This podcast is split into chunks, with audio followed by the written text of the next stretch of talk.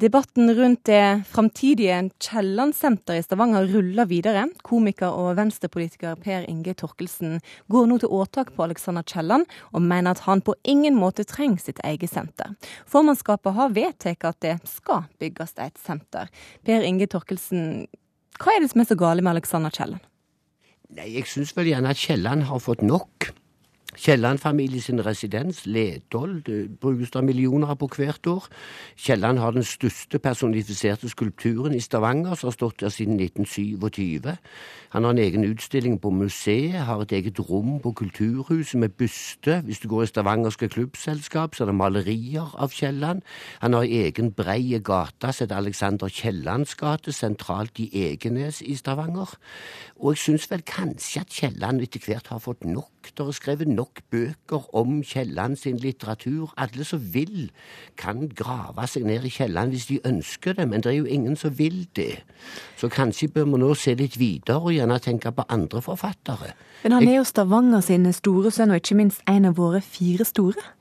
Ja, om han er så stor, det kan vel gjerne diskuteres. Det er vel bare Gyldendal og økonomisjefen der som syns han var en av de fire store. Og jeg tror at han gjerne var sånn eh, distriktslitterært alibi. De hadde Ibsen fra Oslo, de hadde Bjørnson og Lie som kunne definere som bygdeforfattere. Og så tok de Kielland fra Vestlandet for å selge litt her òg. Så jeg tror de var ganske flinke. Jeg syns ikke Kielland rekker Ibsen opp til knærne noen gang. Og han rekker ikke Hamsun opp til knærne noen gang. Jeg syns han er en grei forfatter, men ikke mer heller. Sissel Knutsen Hegedal fra Høyre, du leier kulturstyret i Stavanger. Har, dere, har vi nok Kielland, hus og rom og bilder og bøker? Nei, jeg syns ikke vi har nok. Vi har jo Kielland på byste, vi har han på sokkel på, på torget, sentralt i, byen. Det har vi. Men, men, for meg så er ikke det det som må ta vare på forfatterskapet og historien rundt personen Alexander Kielland. Så, så, vi savner et Kielland-senter, og, og, det er det vi driver og ser på. Hvordan vi på best mulig måte skal få det på plass, og ikke minst å se på hva slags innhold et sånt senter skal ha. Ja, Det er jo fem år siden formannskapet vedtok at Stavanger skulle få et Kielland-senter. Hvorfor tar det så lang tid? Det var vel i 2009 vi aktualiserte det etter at vi hadde fått den utredninga om et Kielland-senter. Og så har vi vedtatt at vi ønsker at vårt eget bibliotek, Sølvberget, skal utrede forprosjektet, lage en, pilot på innholdet i det. Og det er det vi hadde til behandling i går i, i kulturstyret, og vi sånn sett ga klarsignal for å jobbe videre med. Forrige uke så åpna Stavanger konserthus. Hvor mange store kulturhus er det egentlig plass til i Stavanger? Ja, Det er jo et godt spørsmål. Det, en, det, har vært en fantastisk uke i Stavanger med åpning av Konserthuset. Og må det se hvor allsidig og hvor, hvor, mye aktiviteter som er plass til der. Også litteratur. Men jeg tror selv om vi har et stort, flott nytt konserthus, så trenger vi et Kielland-senter. Men for meg er det som sagt ikke viktigst huset, hva slags bygg det skal være i, men innholdet. Hvordan vi tar vare på det.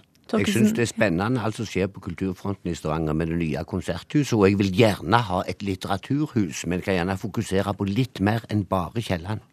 Hva du tror Hengdal? Jo, et litteraturhus er veldig bra, og vi har jo sånn sett et litteraturhus i Sølvberget. Men tanken er å gjøre noe, å bygge videre på det gode arbeidet som, som er gjort der, og det er jeg med på. Og derfor har også formannskapet sagt at et Kielland-senter skal ses i sammenheng med et nytt litteraturhus i Stavanger. Men hva innhold skal være i dette her Kielland-senteret? Det er akkurat det som er det relevante spørsmålet å stille. Og jeg opplever vel at vi ikke har besvart det spørsmålet godt nok. For meg er det viktig at vi både tar vare på den museale biten, at, vi skildrer historien om Alexander Kielland. Setter inn i et perspektiv. og Hva tid levde han på? Hvordan var det i Stavanger på det tidspunktet han utøvde sitt forfatterskap? Men også det at, at selve litteraturen, selve tekstene, kan bli brukt på, på en bedre måte. For skoler, for folk som bor i Stavanger, for tilreisende. På samme måte som vi nå nylig har sett at Garbo-senteret har eh, fått plass på Bryne. Du har Hamsun-senteret nordpå. Du har mange eksempler på forfatterskap som blir tatt vare på den måten. Jeg har spurt venner og kjente om hva tid de leste Kielland sist, og da sier de nei, det var på videregående når norsklæreren sa at vi måtte lese Kielland. Det er ikke en kjeft som leser Kielland frivillig. Kielland har gått ut på dato, syns jeg. Men du tror ikke det er nettopp derfor en trenger et sånn type Kielland-senter, for å få litt mer fokus på den igjen? Nei, det tror jeg ikke. Det er massevis av forfattere som gjerne er like gode som Kielland, som muligens er glemt. På mandag så kom, skal vi møte i historielaget i, i bydelen der jeg kommer, og der skal vi fokusere på forfattere som heter Reinhold Nikolai, som Fredrik Koch skal snakke om. Det er ikke en plakett engang satt opp for Reinhold Nikolai. Han skrev flotte dikt, mannen. Så vi kan gjerne prøve å få et litt videre syn, og ikke bare fokusere på én person. Det er umulig å komme til Stavanger uten å se Kielland her eller der eller der eller mange plasser. Så Kielland har muligens fått nok. Men, og gjerne har vi fått nok av Kielland. Mm. Men Kielland senter er jo nå vedtatt i kommunestyret. Kjemper du en tapt sak, eller, eller håper du å få omgjort dette vedtaket? Om jeg håper å få omgjort det? Mm. Nei. Altså, jeg ønsker et litteraturhus. Og om det er en Kielland-avdeling der med bøker om og av Kielland, så gjør ikke det noe. Men jeg syns ikke det kun skal være Kielland. Vi skal ikke fokusere altfor mye på Kielland. Han var ikke så stor. Hegdal, eh, det har tatt fem, eller det har tatt mange år eh, å realisere dette her, og fremdeles er det en god uh, vei igjen. Når blir senteret en realitet, tror du?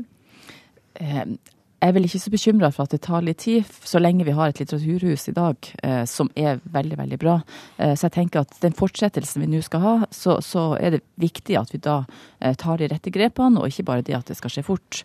Eh, de to stedene som vi nå utreder og plasserer et litteraturhus og Kiellandsenteret, er eh, det gamle Norges Bank-bygget, det som vi nå kaller for Kulturbanken, og så ønsker vi utreda et annet sentralt sted ved, ved Brevannet i Stavanger. Eh, men, men, det er jo innholdet, hva vi skal tilby, hva slags aktiviteter vi skal ha der.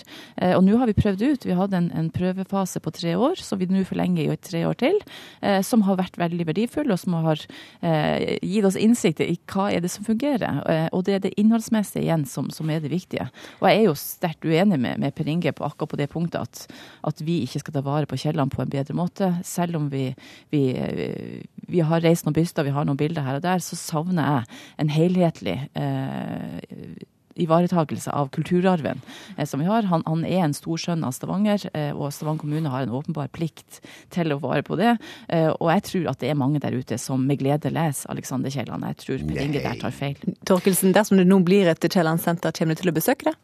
Ja, og Alexander Kielland ble vel født i 1849, så det kan, kunne passet fint gjerne åpne sånn et senter i, i 2049, 200 år etter hans fødsel. Takk til, deg, Takk til deg, Per Inge Torkelsen og Sissel Knutsen Hegdal i Stavanger.